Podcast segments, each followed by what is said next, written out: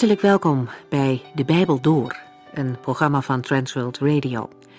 De Bijbel Door is een radioserie die u in vijf jaar meeneemt door de hele Bijbel. Van Genesis 1 tot Openbaring 22.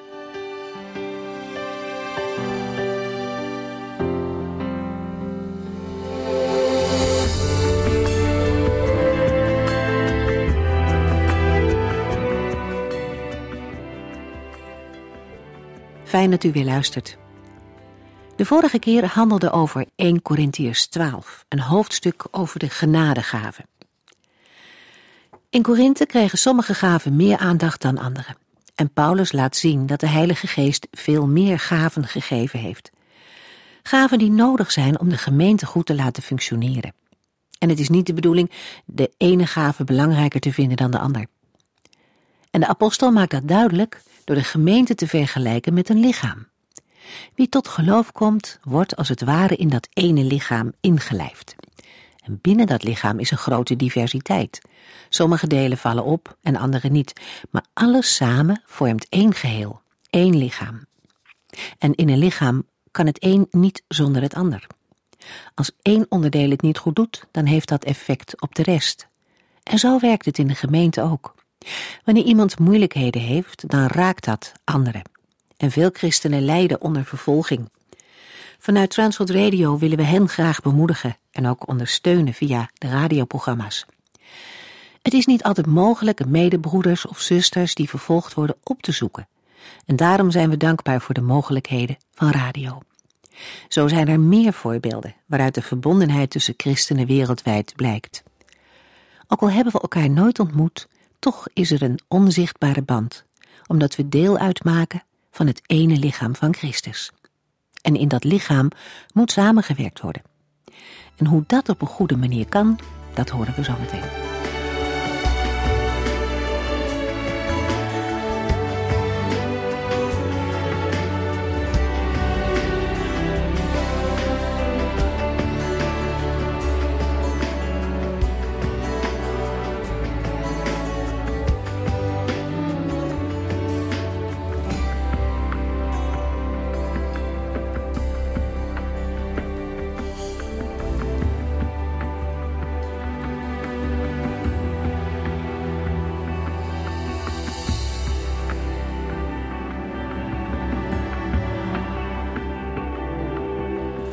Vorige uitzending heeft de apostel Paulus aan de Corinthiërs duidelijk gemaakt dat alles wat hij hen heeft geschreven van toepassing is op alle christelijke gemeenten, maar in het bijzonder de gemeente van Korinthe. Als voor het menselijk lichaam een harmonie en samenwerking van de lichaamsdelen is vereist, dan geldt dat zeker voor de gemeente, die het lichaam van Christus is. In 1 Corinthiërs 12, vers 27 schreef de apostel: U bent het lichaam van Christus, en ieder van u is een deel van dat lichaam. Niemand kan zich boven de ander verheffen of de ander buitensluiten. In 1 Corinthiërs 12, vers 28 geeft Paulus een opsomming van verschillende gaven. Hij opent met drie bedieningen die nauw verbonden zijn met de verkondiging apostelen, profeten en leraren. Paulus noemt ze in volgorde van belangrijkheid. Het is opvallend dat de beide Corinthiërs zo hoog gewaardeerde wijsheid en kennis niet voorkomen. Het woord apostel is niet beperkt tot de twaalf die de Jezus bij zijn leven op aarde riep. Ook anderen kunnen tot apostel worden geroepen, zoals Paulus en Barnabas. Hun taak omvat de verkondiging van het evangelie en het stichten van gemeenten. Profeten zijn zij die zich duidelijk onderscheiden op het gebied van het doorgeven van woorden van God. Zij geven geïnspireerde woorden door, zowel in de vorm van prediking als in de vorm van het bekendmaken van openbaringen. Apostelen en profeten worden samen genoemd als fundament van de gemeente. Als derde noemt Paulus de leraren, die zich bezighouden met het gezaghebbend onderwijzen van de christelijke leer en de uitleg van de Bijbel. Hun bediening wordt niet minder geïnspireerd voorgesteld als de eerste twee. Zoals blijkt uit Paulus' eigen leven kunnen deze bedieningen ook worden gecombineerd. Bij de volgende gaven worden geen rangtelwoorden genoemd, waarmee is aangegeven dat de volgorde niet meer zo bepalend is voor de belangrijkheid. De eerste twee, wonderen en gaven van genezingen, hebben te maken met bijzondere krachten die de Heere geeft in wonderen en tekenen. Bij de volgende twee, helpers en leiders, moeten we denken aan dienende taken. Bijvoorbeeld aan die van diakenen en bij leiders aan besturende taken, zoals die van oudsten. Aan het slot van 1 Corinthians 12 noemt Paulus klank of tongentaal. In 1 Corinthians 14 geeft de apostel meer onderwijs over het spreken in een klanktaal. In de praktijk van het gemeenteleven hebben niet allen dezelfde gaven. En heeft ook niemand alle gaven. Paulus verwijt aan de Corinthiërs is dat ze er geen oog voor hebben dat de verschillende gaven elkaar aanvullen en allemaal noodzakelijk zijn. Ze hechten te veel aan één gave, die zij bij uitstek als geestelijk beschouwen, namelijk het spreken in tongen. 1 Corinthians 12, vers 31. U moet streven naar de belangrijkste gave. Ik wil daarnaast nog wijzen op een weg die u nog veel verder brengt in uw verhouding tot God. 1 Corinthians 12, vers 31 vormt de overgang naar een nieuw gedeelte, de hoofdstukken 13 en 14. De voorgaande vermaningen waren er vooral op gericht de gelovigen in Korinthe te leren de medegelovigen met eigen gaven en bedieningen te waarderen.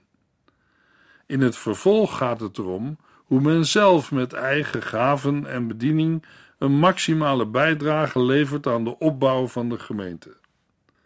Paulus begint met de aansporing om te streven naar de belangrijkste gaven. Dit streven houdt niet in dat gelovigen zich moeten gaan afzetten tegen al ontvangen gaven, maar juist dat ze zich op de juiste wijze beschikbaar stellen om een bruikbaar kanaal te zijn voor de werkingen van de Heilige Geest. Pas dan gebeurt er wat de Geest wil. Het is de wil van de Heilige Geest om aan een ieder gaven te geven die dienen tot opbouw van de gemeente. In 1 Corinthians 14 behandelt Paulus de noodzaak om te streven naar de gave van profetie, die groter is dan die van de klank of tongentaal.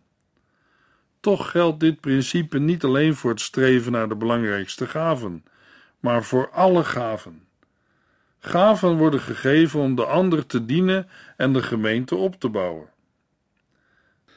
Na de oproep om te streven naar de belangrijkste gaven, gaat Paulus verder met: Ik wil daarnaast nog wijzen op een weg die u nog veel verder brengt in uw verhouding tot God.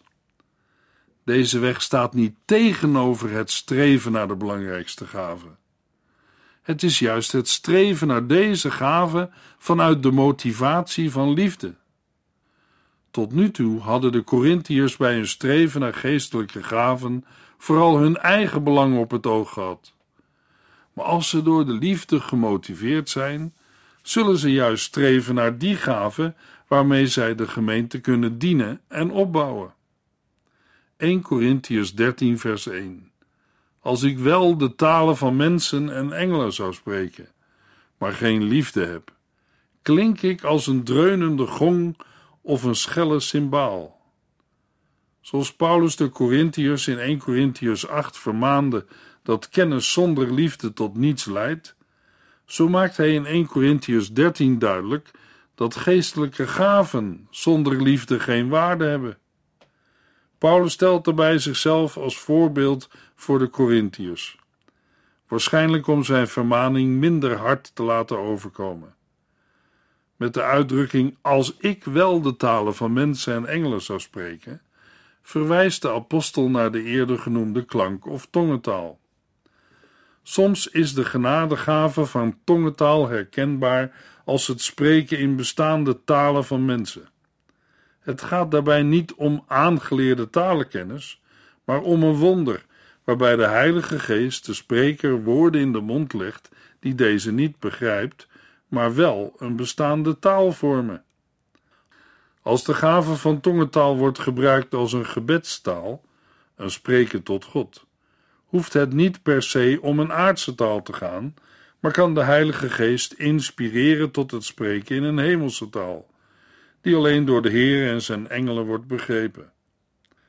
De gedachte dat engelen eigen hemelse taal hebben om met elkaar te communiceren, vinden we ook in sommige Joodse tradities. De Corinthiërs waren bijzonder geïnteresseerd in dit laatste aspect van de tongentaal, omdat dit volgens hen de bevestiging gaf dat zij geestelijk waren, bijna aan de engelen gelijk. Deze nadruk op alles wat geestelijk is, leidde in de gemeente van Korinthe ook tot problemen, met betrekking tot de seksualiteit binnen het huwelijk en tot een afwijzing van de lichamelijke opstanding.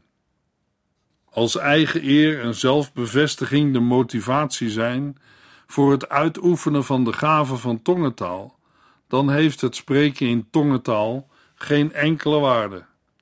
Het moet daarbij immers gaan om de verheerlijking van de naam van de Heere. Paulus gebruikt in dit verband de woorden een dreunende gong of een schelle cymbaal. We moeten hierbij denken aan muziekinstrumenten die in het heidendom vaak werden gebruikt om in een toestand van trance te raken. Het spreken in aardse of hemelse tongentaal zonder de motivatie van de liefde is niet meer waard dan een dreunend ritme. Het Griekse woord agape, liefde, is het in de Septuaginta gebruikte woord voor Gods liefde voor de mens. In het Nieuwe Testament wordt het ook gebruikt voor de opofferende liefde van gelovigen voor de Here en de naaste. 1 Corinthians 13 vers 2 Als ik Gods woord doorgeef, alle geheimen doorgrond, alles weet wat te weten is, en al het geloof heb, zodat ik bergen kan verzetten, maar geen liefde heb, ben ik niets. Wat geldt voor de gave van tongentaal, geldt ook voor de andere genadegaven. Wie dergelijke gaven bezit, maar niet gemotiveerd wordt door de liefde, die is niets in Gods ogen. Paulus noemt nu eerst drie gaven die met openbaring te maken hebben. Het verstaan van geheimen of verborgenheden wordt in 1 Corinthians 2 vers 7 in verband gebracht met het verstaan van Gods wijsheid. De verborgenheden zijn de onderdelen van Gods heilsplan die voor niet-geestelijke mensen onbekend blijven, maar die door de Heilige Geest aan de gelovigen worden geopenbaard. Met het weten en doorgronden van alle geheimen en alles wat te weten is, neemt Paulus de gaven van wijsheid en kennis weer op. Ook al heeft een mens in de hoogste mate toegang tot openbaringen van de Here, zonder motiverende liefde betekent dat voor God en de gemeente niets. Dat geldt ook voor de gave van geloof, waarmee niet het reddende geloof wordt bedoeld, maar geloof dat bergen verzet. Dat wil zeggen geloof dat wonderen van de Here verwacht en ontvangt. Hoewel deze gaven groter zijn dan het spreken in tongen, omdat de gemeente ermee wordt opgebouwd, moet toch ook de opofferende liefde voor God en de naaste de motivatie zijn en nooit eigen eer of roem. 1 Corinthians 13 vers 3 Als ik mijn bezittingen stuk voor stuk uitdeel en mijn lichaam geef om te worden verbrand, maar geen liefde heb, dan heb ik er niets aan. De volgende handelingen lijken aan de buitenkant liefde werken bij uitstek. Maar Paulus vraagt naar de motivatie. De woordkeus, als ik mijn bezittingen stuk voor stuk uitdeel, herinneren aan de woorden van de Heer Jezus aan de rijke jongeling. De heiland doorzag dat veel van zijn tijdgenoten bij het uitdelen van voedsel aan de armen een onjuiste motivatie hadden. Het ging bij hen meer om eer van mensen. Bij als ik mijn lichaam geef om te worden verbrand, gaat het om het opofferen van eigen leven in dienst van het evangelie, in navolging van de zelfovergave van de Heer Jezus. Ook in Paulus' leven vinden we daar voorbeelden van. Bij de woorden om te worden verbrand moeten we denken aan een voorbeeld uit het Oude Testament. de drie vrienden van Daniel in de vurige oven. Als het motief achter een dergelijke zelfopoffering niet werkelijk liefde is, maar bijvoorbeeld eerzucht of eigen verdienste, dan heb ik er niets aan. De Heere zal in dat geval er zeker geen beloning voor geven. Zonder liefde is welke gave u ook hebt ontvangen niets waard. 1 Corinthians 13 vers 4 Liefde is geduldig. De liefde is vriendelijk. De liefde is niet jaloers. Zij doet niet gewichtig en is niet trots. 1 Corinthians 13 is beroemd geworden vanwege zijn beschrijving van de liefde. De liefde wordt in de volgende verse verpersoonlijkt. Dat is begrijpelijk, want het gaat om mensen, in dit geval om de Corinthiërs, die vanuit deze liefde moeten leven. Allereerst beschrijft Paulus twee positieve eigenschappen van de liefde. Ze is geduldig, verdraagzaam en vriendelijk, vol van goedheid. Beide eigenschappen komen we in Romeinen 2, vers 4 tegen als kenmerken van Gods liefde. De Heere stelt zijn toorn uit, verdraagt de zondige mensen en blijft zegenen in de verwachting dat de mens zich bekeert. Zulke eigenschappen worden ook van de gelovigen verwacht. Ze hebben immers zelf als eerste Gods genade en liefde mogen ontvangen. Dan laat Paulus in ontkennende bewoordingen zien wat de liefde niet is. De liefde is niet jaloers, ze doet niet gewichtig en is niet trots. De woorden verwijzen naar de jaloezie en oneenigheid die in 1 Corinthians 3 vers 3 zijn genoemd. Het gaat om gedrag dat niet is gericht op de opbouw van de gemeente, maar dat de aandacht op zichzelf wil richten.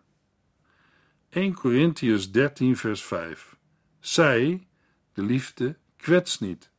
Ze is niet egoïstisch en voelt zich nooit beledigd en neemt niemand iets kwalijk. Het gaat hierbij om onfatsoenlijk gedrag van sommige gelovigen in de eredienst of samenkomst. Zij eisen alle aandacht van de gemeente op door in de dienst hardop in tongentaal te bidden. Verder kunnen we denken aan de onfatsoenlijke behandeling van de armen tijdens het avondmaal en de onfatsoenlijke hoofdtooi van sommige vrouwen in de samenkomst. Daarnaast kunnen we denken aan bepaalde gelovigen die door anderen onfatsoenlijk of met minachting worden behandeld. 1 Corinthians 13 vers 6 De liefde is niet blij met onrecht, maar juist met de waarheid. Dan volgen twee elkaar aanvullende typeringen van de liefde. De waarheid is in dit verband het evangelie. Tegenover de waarheid staat hier het onrecht. Zij omvat niet alleen de zonde en het onrecht dat door elk mens persoonlijk wordt gedaan, maar ook alles wat aan het evangelie tegengesteld is, zoals bijvoorbeeld de praktijken van het heidendom, oorlogen en onderdrukking. Een gelovige die door de liefde wordt gemotiveerd, heeft verdriet over al deze liefdeloze dingen. 1 Corinthians 13 vers 7 De liefde beschermt altijd heeft altijd vertrouwen, verwacht het altijd van God en houdt stand. De opsomming van kenmerken van de liefde wordt min of meer met vers 7 beëindigd. Vanaf vers 8 spreekt Paulus opnieuw over de plaats van de gave van de geest. Er worden in vers 7 nog vier eigenschappen van de liefde genoemd. Een gelovige die door de liefde wordt gedreven, verdraagt allerlei moeiten, ter wille van de verkondiging van het evangelie en ter wille van de redding van anderen. Bij de woorden vertrouwen en verwachten gaat het niet om goedgelovigheid en optimisme of een positieve instelling ten aanzien van een ander, maar om een vast geloof in de Heer Jezus en een vaste hoop op de toekomstige heerlijkheid. Liefde, geloof en hoop vinden we in deze typisch christelijke betekenis, behalve in vers 13, ook in 1 Thessalonicense 5 vers 8. Het gaat erom te midden van vervolgingen en lijden het oog te blijven richten op de heerlijke toekomst, die begint met de wederkomst van de Heer Jezus. 1 Corinthians 13 vers 8 Aan de liefde komt nooit een einde. Het spreken namens God zal eens niet meer nodig zijn. Het spreken in klanktalen zal ophouden. Kennis zal dan niet meer worden gevraagd. Paulus stelt hier het blijvend karakter van de liefde en de voorbijgaande aard van de gaven van de Heilige Geest tegenover elkaar. De liefde is uiteindelijk een van de wezenskenmerken van de Heer. Let wel, Paulus vergelijkt alleen de tijdsperiode waarbinnen de liefde en de gaven hun plaats hebben. De Heilige Geest is met de gaven het onderpand van de toekomstige heerlijkheid. De gaven hebben daarom in het heden hun betekenis en zijn in deze tijd belangrijk. Als het volmaakte is gekomen en God alles in al is, dan zijn de gaven tot stichting van de gemeente niet meer nodig. 1 Corinthians 13, vers 9 tot en met 12. Want wat wij weten is onvolledig, en wat wij namens God zeggen is gebrekkig.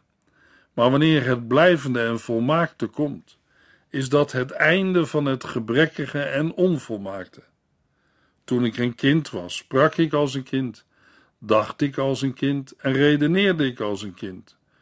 Maar nu ik volwassen ben, heb ik het kinderlijke voorgoed achter mij gelaten.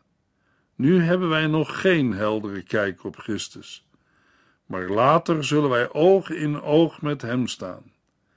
Ik ken Hem nu nog niet volkomen, maar dan zal ik Hem volkomen kennen, zoals Hij mij door en door kent. Paulus legt uit waarom de gaven van kennis en de gaven van profetie zullen ophouden na de wederkomst van de Heer Jezus.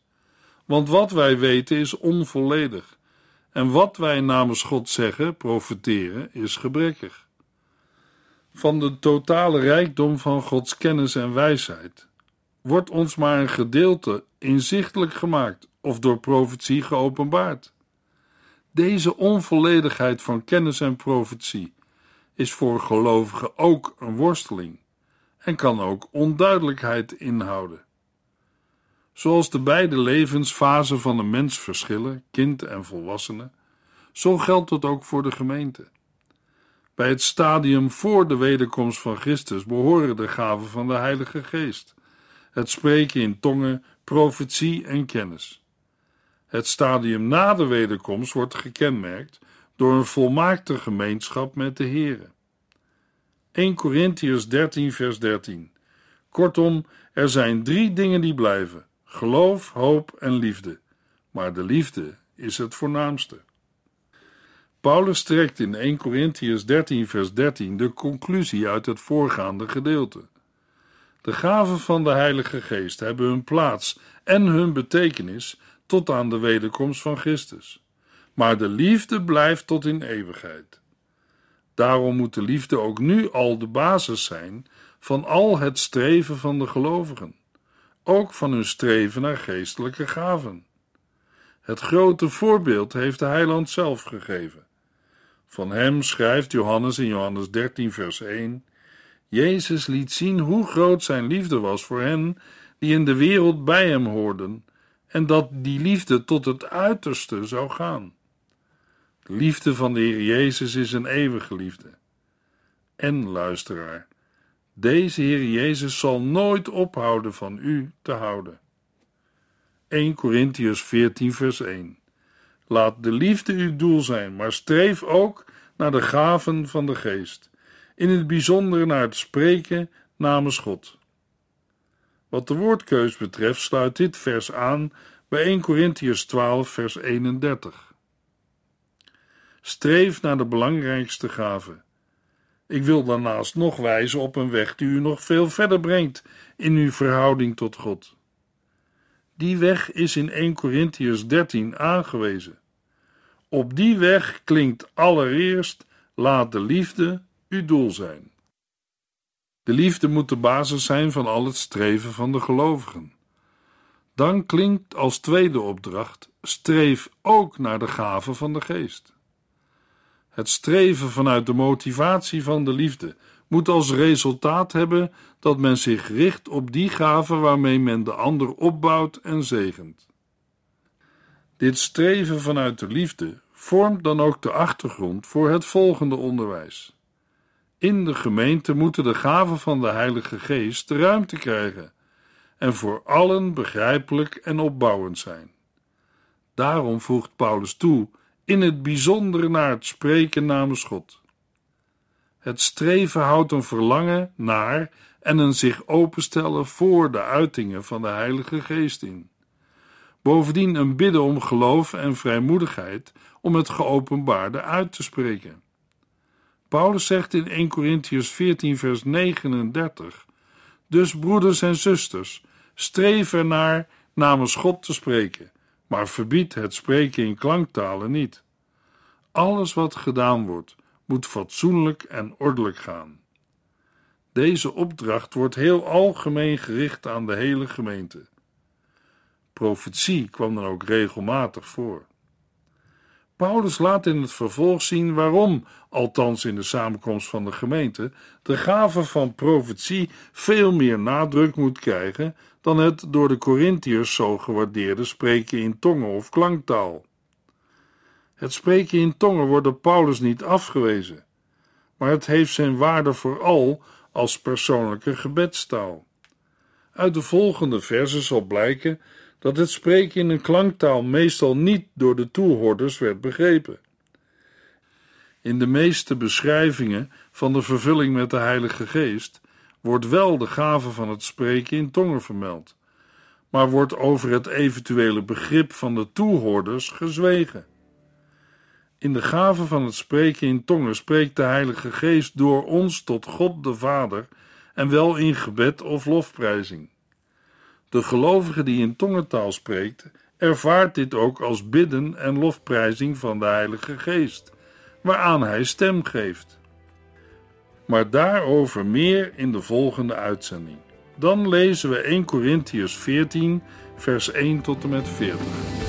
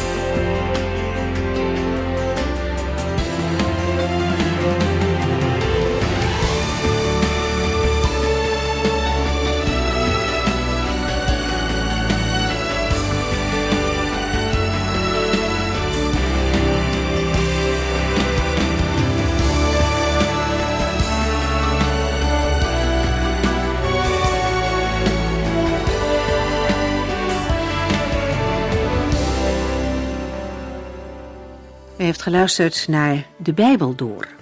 In het Nederlands vertaald en bewerkt door Transworld Radio. Een programma waarin we in vijf jaar tijd de hele Bijbel doorgaan. Als u wilt reageren op deze uitzending of u heeft vragen, dan kunt u contact met ons opnemen.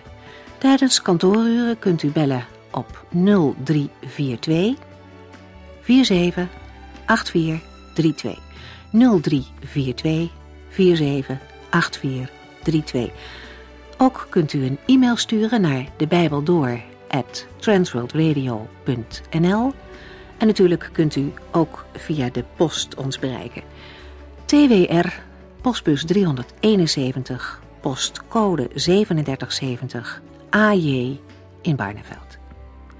Dit programma werd gepresenteerd door Cor Weda en Ike André. Techniek was in handen van Odin van Woerdekom. En wij allemaal bedanken u voor het luisteren. Graag tot de volgende keer.